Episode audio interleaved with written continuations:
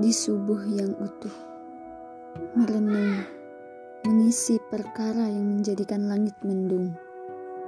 Dari kosong, jadi sedikit tertolong. Dari tertolong, menjadi terinspirasi. Dari terinspirasi, menjadi terlunasi. Dari terlunasi, menjadi berarti. Dan semua itu, pada akhirnya, menjadi sebuah seduh dari salah diri, dari kelalaian diri. Entahlah, untuk saat ini cukup berserah diri. Yakin sebuah usaha pasti tidak akan pernah mengkhianati.